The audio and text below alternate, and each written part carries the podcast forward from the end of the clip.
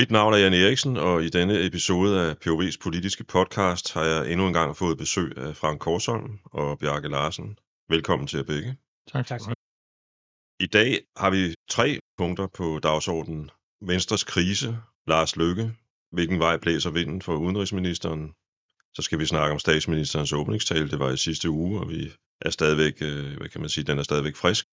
Muligvis, og så skal vi jo også selvfølgelig have et punkt, der hedder eventuelt. Og i gamle dage, hvis det handlede om politik, så var vi gået ned på toga og havde taget eventuelt og siddet der. Det er den mest interessante diskussion at finde. Ja, og havde siddet der indtil klokken to i nat eller sådan noget, men, men det, det er jeg personligt blevet for gammel til i hvert fald. Så det, ja. Ja.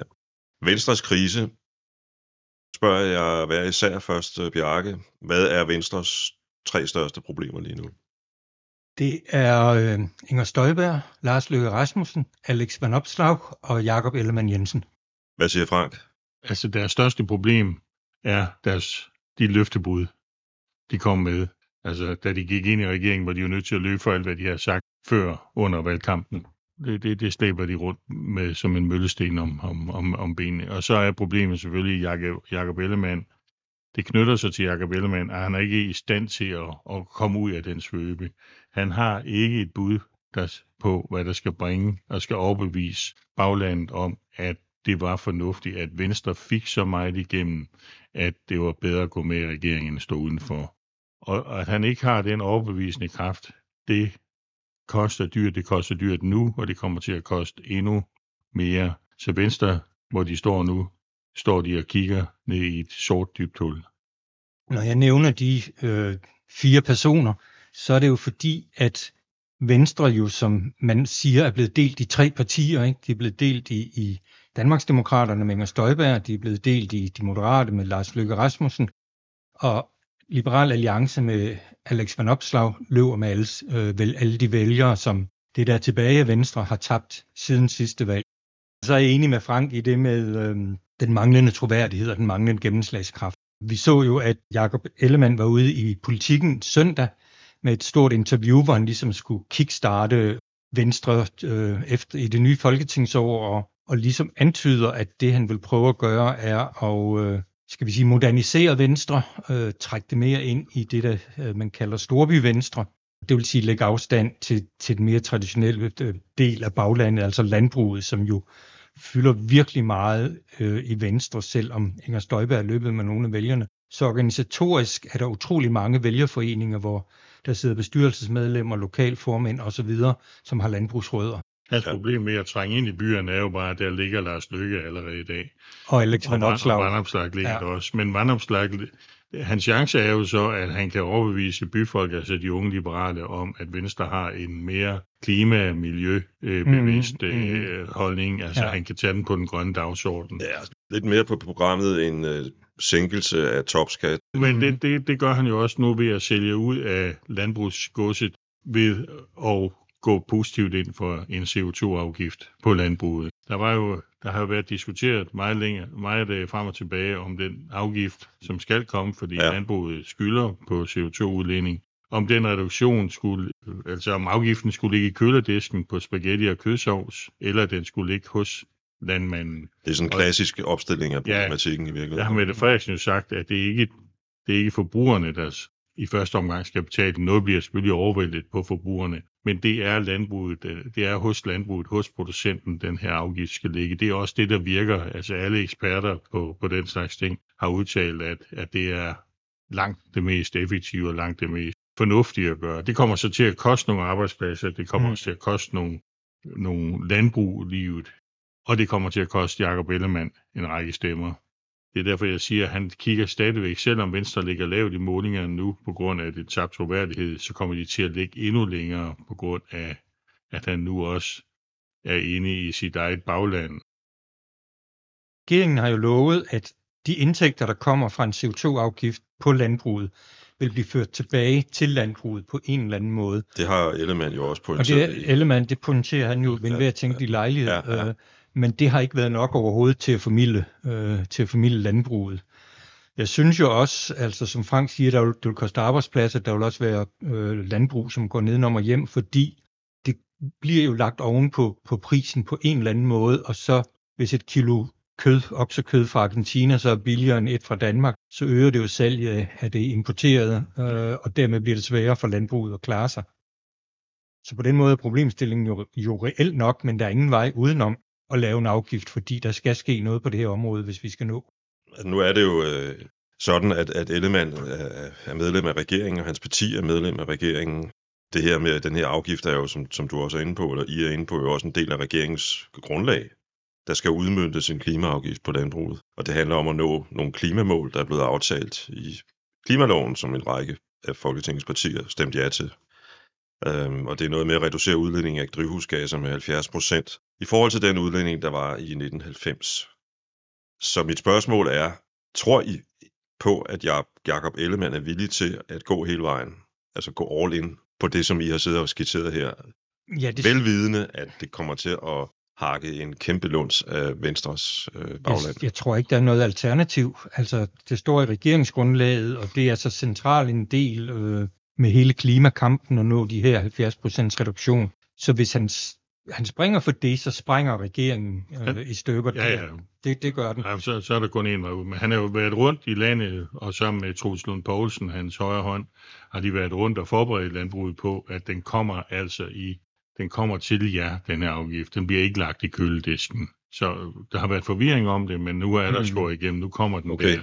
Men øh, når vi ser den, vi har jo ikke set den afgift udformet endnu, der er jo nedsat en ekspertgruppe til det, og, og komme med et udspil senere, så bliver det jo selvfølgelig også Jacob Ellemanns øh, opgave at sige, at det resultat, der kommer ud af det her, det havde været meget værre, hvis ikke Venstre havde været med i det. I skal takke mig for at være gået i regering, for ellers var det blevet lavet sammen med det røde, fordi det er en, det, det er en pligt, regeringen har til at mm. og, og reducere. Så, så det har været et rødt flertal, der har ført den her CO2-afgift igennem, og så skulle vi bare sige løjer. Nej, vi har været inde og, og redde jer. Det, det bliver bare en, det bliver en kamp op ad bakke for. Ja, det bliver den grad op ad bakke. Øh. Jeg tror ikke, Venstres bagland sådan, øh, vil, vil stå i kø for at lykkeønske om at, at, at råbe i, i kor.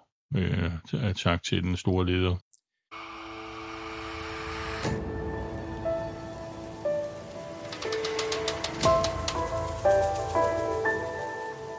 så skal vi også i gang med skatteforhandlinger. Og der har Jacob Ellemann jo haft travlt med at, og, øh, at forklare, at de bliver større end det, man regnede med. Altså, der var stillet 5 milliarder i udsigt, men det bliver nu noget større, fordi det økonomiske råderum er større. Så lad os bare sige, at det bliver 7 eller 8 milliarder. Så snakker vi altså i sidste ende om en skattelettelse på mellem 100 og 200 kroner i snit hos den almindelige og spørgsmålet er, hvor meget tak han egentlig får for det. Mm. Det får han ikke. Altså, der bliver snakket meget om skat ja. og skattelettelser, men ja. jeg ved ikke, hvor meget det flytter. Det flytter det selvfølgelig nogen over til Liberal Alliance, men det er ikke ja. så afgørende i, i den størrelsesorden overhovedet. Altså ud at se her, de sidste to år, hvor der er lavet forlig i Københavns Kommune, har de borgerlige hver gang også fået en lille marginal skattelettelse igennem. Og det har jo ikke øh, ført min, til min, nogen øh, oprør fra, fra venstrefløjen eller noget som helst. Min pointe er også bare, at skattelettelser det er noget, der er meget godt at snakke om, men det er ikke særlig godt at levere på, fordi det fører kun til skuffelse. Mm. Og Venstre skal jo også forklare den her top-top-skat, som jo er lidt mærkelig og har sådan en misundelsesagtig karakter. Altså, hvorfor æder de den skovsnegl, som deres, deres ordfører har, Morten har, har, har, har kaldt det det, der er ingen point til venstre i, det, i hele den skattediskussion, uanset om de får løftet de lovede skattelettelser fra 5 til 8 eller til 10 milliarder. Ren pjat. Ud af et statsbudget ja. på over 1000 milliarder, ikke? Altså. Ja, ja, og ingen her, om, hmm. når de bliver gennemført, så er der jo ikke nogen, der kan se på deres lønsedler, at de har fået 100 eller 200 kroner ekstra ud. Og samtidig så kan man sige, at de her skattelettelser, det er jo så også et kæmpe udfordring for, for Socialdemokratiet, fordi der er meget stor utilfredshed netop i baglandet og at de bliver så store, som de bliver. Mm. Altså Socialdemokratiet har jo kørt i mange år på, på sloganet, vi siger ja til velf- mere velfærd og nej til skattelettelser, og den der modsætning har de jo måttet æde i sig igen og, og sige, jamen skattelettelser er jo gode, hvis de bliver givet på den rigtige måde. Uh, og det er altså også en, en kovending, som er lidt svær at sælge over for baglandet. Ja, det, men det er også der, du ser jo heller ikke Mette Frederiksen forsøger at tage patent på skattelettelserne. Hun holder den ude i strakt arm. Mm. Så hele den der skattekartoffel, den varme kartoffel, der får lov til at ligge over på Jacob Ellemann tallerken. Mm. Hun snakker jo egentlig mere om, at, at vi skal arbejde mere, mere sådan disciplineret derude på arbejdsmarkedet. Mm. Det er i den grad også en taberdagsorden. Jo, men er det ikke den dagsorden, vi har haft i de sidste 25 år? Jo, jo, hun, Altså. er, hun har jo ret på det overordnede plan, at, at vi har en af verdens største velfærdsstater, Ja, ja, men- og folk stiller flere og flere krav til, hvad de vil have finansieret gennem det offentlige. Og det kræver jo flere og flere indtægter, ja. og hvis folk arbejder mindre, så falder skatteindtægterne. Så på den måde har hun jo fuldstændig ret. Det er bare ikke et budskab, du, øh, du vinder stemmer på overhovedet. så kan man jo s- diskutere, om hun er modig eller dum. Ja, ja, Begge dele. Jeg synes, hun er modig ved at få det frem, men jeg synes, det var ikke nogen smart måde at, Nej, nej. at talesætte det på.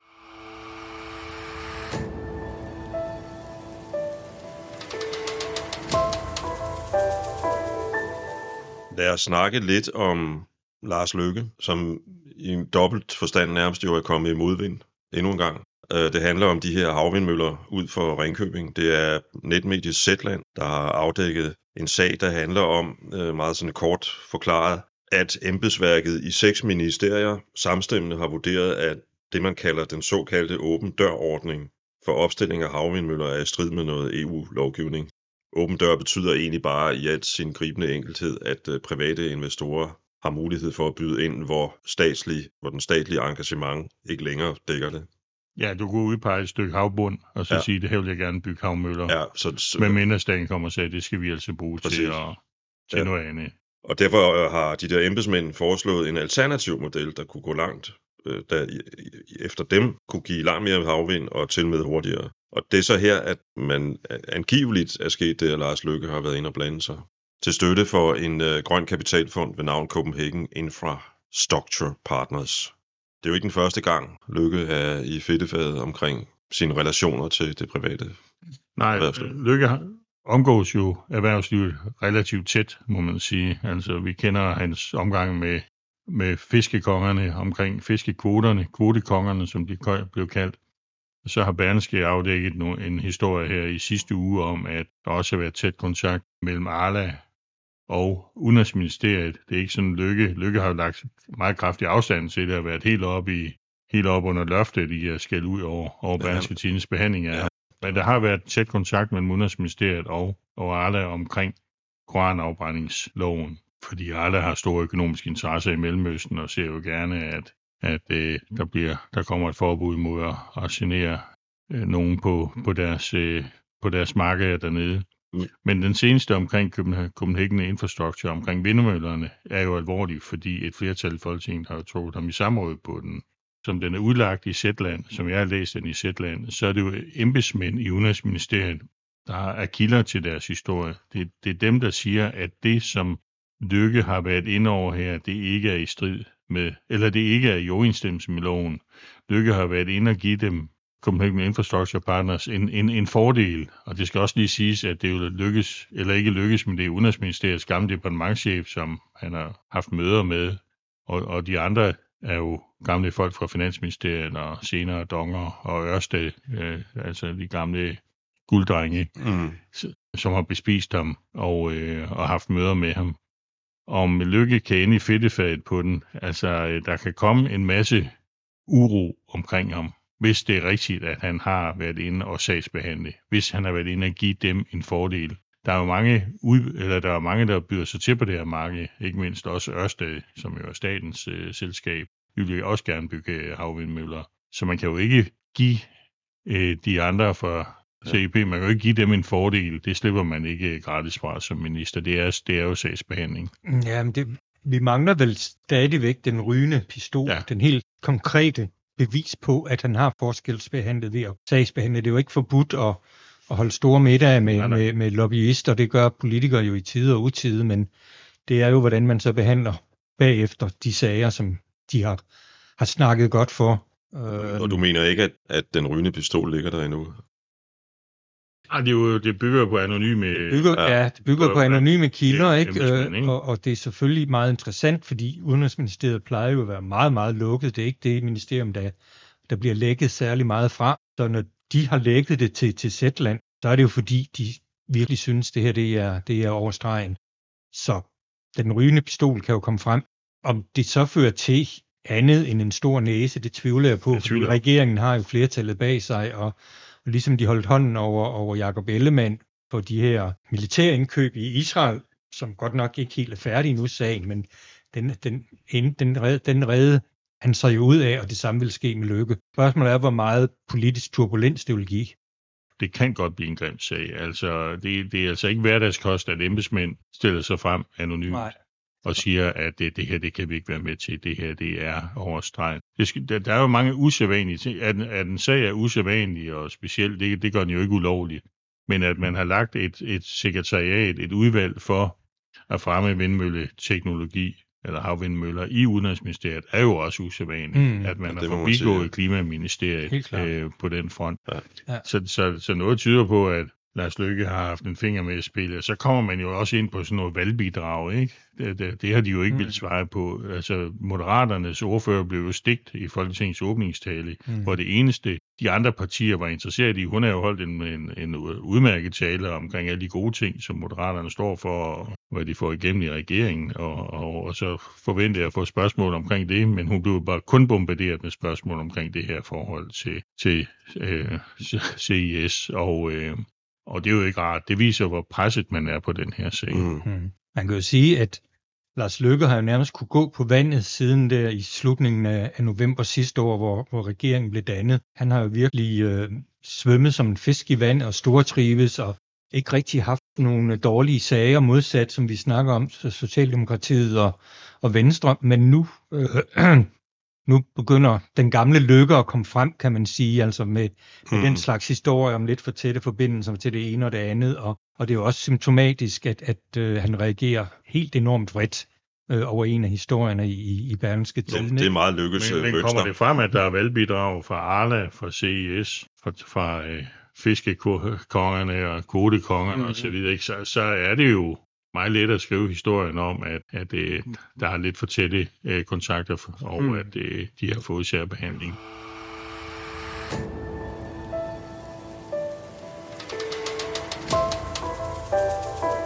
Det er mindre end en uge siden, at Mette Frederiksen åbnede dette øh, folketingsår med en åbningstale. Hvordan gik det for hende, synes I? Hun prøvede jo ligesom at, at komme med nogle nye emner på bordet, meget omkring folkeskolen, en folkeskolereform, hvor man vel nærmest kan sige, at man skal tilbage til de gode gamle dage, altså de her reformer, man kørte igennem for 10 år siden med, med, med uh, inklu, hele inklusionstankegangen og, uh, og mere magt til skolelederne over lærerne og længere skoledage og alt det kaos, der fulgte ud af det, det, er vel, det bliver vel efterhånden alt sammen rullet tilbage nu, øh, samtidig med, at der skal være flere praktiske fag, en lidt en kortere skolegang osv. Og det tror jeg kan blive en ret populær reform, hvis den bliver gennemført. Og det mangler vi jo så stadigvæk at se. da der er jo utrolig meget snak, der har været fra den her regering, hvor de har lagt en masse de vigtige ting ud i kommissioner og undersøgelsesudvalg osv., og, så og hvor de virkelig mangler at levere på det, også den CO2-afgift, vi snakkede om før. Men den her, tror jeg, vil tiltale mange, mange vælgere. Ja, det tror jeg også. Altså øh, børnefamilier, øh, familier med, med børneskolerne, som er, er irriteret over, og ikke mindst lærerne jo, som er mm. irriteret mm. over, at de skal overholde de her mål, målkrav. Men altså, man må jo undre sig lidt over, at hun bruger så meget tid på skolen. Altså, det kan jo også være udtryk for, at der ikke er så meget andet at bruge sin tid på. Ja. Det kom lidt ud af en blå luft. Jeg har ikke oplevet en skoledebat her det sidste halve år. Anders Fejer har prøvet at holde liv i en og bebudet, at der vil komme et reformudspil og sådan noget. Ikke? Okay, hun brugte det jo til at, et forsøg på at sætte en ny dagsorden, og det lykkes vel også.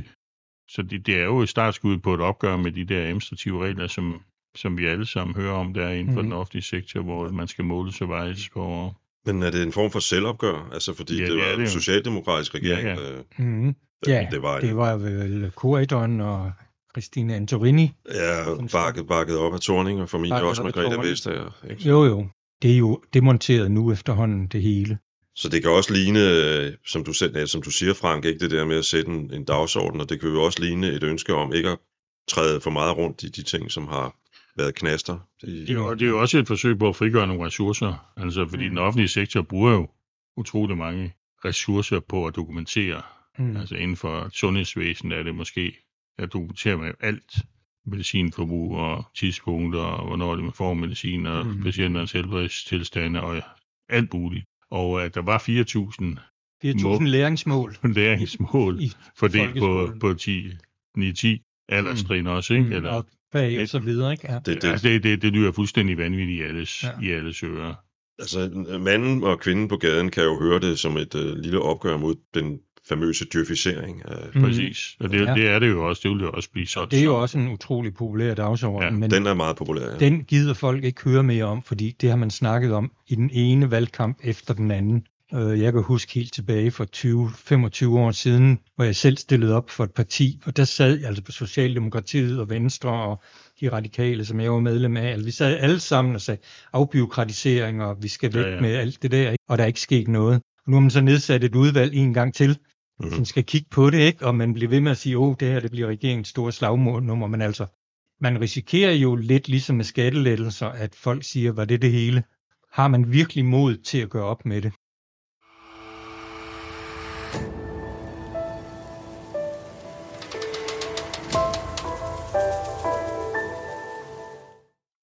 I har overvejet rigtig mange åbningsdebatter og åbningstaler øh, i, i Folketinget. Hvordan synes I Mettes tone var? Altså, jeg synes jo, hun gør det meget godt. Altså, Mm. hun har en dygtig taleskriver, og hun har en god... Hun udfører det godt. Altså, Mm. jeg tror ikke, man retorisk sådan kan sætte en finger på hende. Men det synes jeg heller ikke på de tidligere statsminister. Altså, Lars Løkke var mere, lidt mere laissez-faire, La- og Anders Fogh var meget stramt disciplinær. Men, men Mette Frederiksen har, hun afleverer talen rigtig godt. Altså, Mhm. mm. og den er godt skrevet, og der er gode billeder i det, og hun er lidt lystig, og hun er alvorlig. Jeg synes ikke, man som sådan kan sige, at det her ikke var en god tale. Det, det var en god tale. Men rammer hun så skiven med den tale? Det gør hun kun delvist. Hun bruger for lang tid på det med folkeskolerne. Hun bruger alt for lidt tid på klima og miljø. Hun bruger alt for lidt tid på ventelisterne. Altså hele sundhedssektoren, jo, som også ligger i ruiner, hvor regeringen også skal levere. Det tror jeg i virkeligheden, det med ventelisterne og det med, med, med, med altså de skandalehistorier, der har været over for Midtjylland omkring kræftbehandlingen, Mm. at hun ikke adresserer det, det synes jeg er en fejl. Øh, Men og det, det synes ikke- jeg også er en alvorlig, jeg synes, det er en alvorlig fejl, at hun, at, at hun vægter sin tale på den måde, som hun gør. Men det, hun siger, er der, synes jeg ikke, man sådan kan sætte en finger på. Men det er så mere på det, hun ikke siger. Det er der, hun, hun svigter. Men problemet er jo, at hvad skal hun sige? Øh, At, så, skal, så skal hun levere, så skal hun levere, hvis hun går ind og Ja. kritiserer for eksempel kræftbehandlingen eller ventelisterne i al almindelighed, så skal hun jo komme med nogle meget mere konkrete udspil, og derfor vil vi gøre sådan og sådan og sådan, fordi ellers så vil folk jo sige, jamen øh, har du ikke tænkt dig at gøre noget ved det? Og der tror jeg, problemet er, at det hele, der er for meget, der er puttet i udvalg, hvor de ikke øh, kommer med udspil endnu. Og der tror jeg snart, der skal til at ske noget, fordi de, inden Folketinget åbnede der øh, sidste tirsdag, var de jo på bustur rundt i landet for at prøve at forklare sig og ligesom få en frisk start øh, på det hele, og, og det er jo ikke lykkedes. Altså, det er ikke lykkedes i meningsmålingerne. Øh, jeg synes heller ikke, det lykkedes i den politik, der blev fremlagt af, af Mette Frederiksen. Altså, vi, vi går og venter på, kommer der ikke... Altså, det blev slået op som, at nu kom der virkelig en... Vi har flertallet, så vi kan bare levere, vi kan tonse alle mulige store strukturreformer igennem. Og så skete der hele det med Stor Bededag, hvor, hvor man klodsede gevaldigt i det, og nu er de ligesom blevet bange for deres egen skygge. Ja, jamen det, det tror jeg er meget præcist. Men, men øh, jeg tror altså godt, man kan vride en nyhed ud af nogle af de kommissioner, som er nedsat. Og øh, hun burde bare have haft også en snaps inden for, inden for, øh, inden for sundhedspolitikken. Ja, ja. Fordi det bekymrer folk virkelig meget. Altså, TV-avisen har jo afdækket den ene skandale efter den anden fra, fra, øh, fra Skyby Hospital og, og hele Region Midt. Der, der ser nogle vælgere derude, der ser nogle borgere derude, der siger, Mm. mm. hvad er det egentlig, hvad er det, der sker her? Har, har regeringen og har regionerne ikke styr på det her? Med de ord, så tror jeg, jeg vil sige øh, endnu en gang tak, fordi I ville være med. Anytime. Frank og Bjarke. Vi ses snart. Det gør vi. Det håber jeg.